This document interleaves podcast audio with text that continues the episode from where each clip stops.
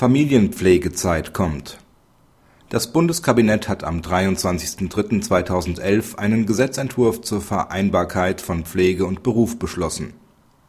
Das Gesetz soll Beschäftigten neben den bereits vorhandenen Regelungen des Pflegezeitgesetzes die Möglichkeit zu einer vorübergehenden Reduzierung ihrer Arbeitszeit bei teilweisem Lohnausgleich ermöglichen. Die geplante Familienpflegezeit soll sich am Modell der Altersteilzeit orientieren. Vorgesehen ist, dass Beschäftigte mit ihrem Arbeitgeber auf der Grundlage einer freiwilligen Vereinbarung eine Reduzierung ihrer Arbeitszeit für die Dauer von maximal zwei Jahren auf bis zu 15 Stunden vornehmen können, um dem Arbeitnehmer die Möglichkeit zu geben, einen Familienangehörigen neben seiner Erwerbstätigkeit zu pflegen. Das für die reduzierte Arbeitszeit zu zahlende Entgelt ist während der Dauer der Familienpflegezeit um die Hälfte der Differenz zwischen dem bisherigen und dem verringerten Entgelt aufzustocken.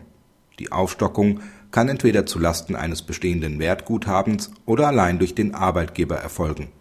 In der sogenannten Nachpflegephase erhöht der Beschäftigte seine Arbeitszeit wieder auf 100 Prozent.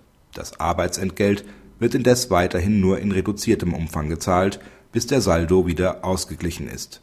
Für die Finanzierung etwaiger Lohnzuschüsse kann der Arbeitgeber ein Darlehen beim Bundesamt für Familie und zivilgesellschaftliche Aufgaben beantragen.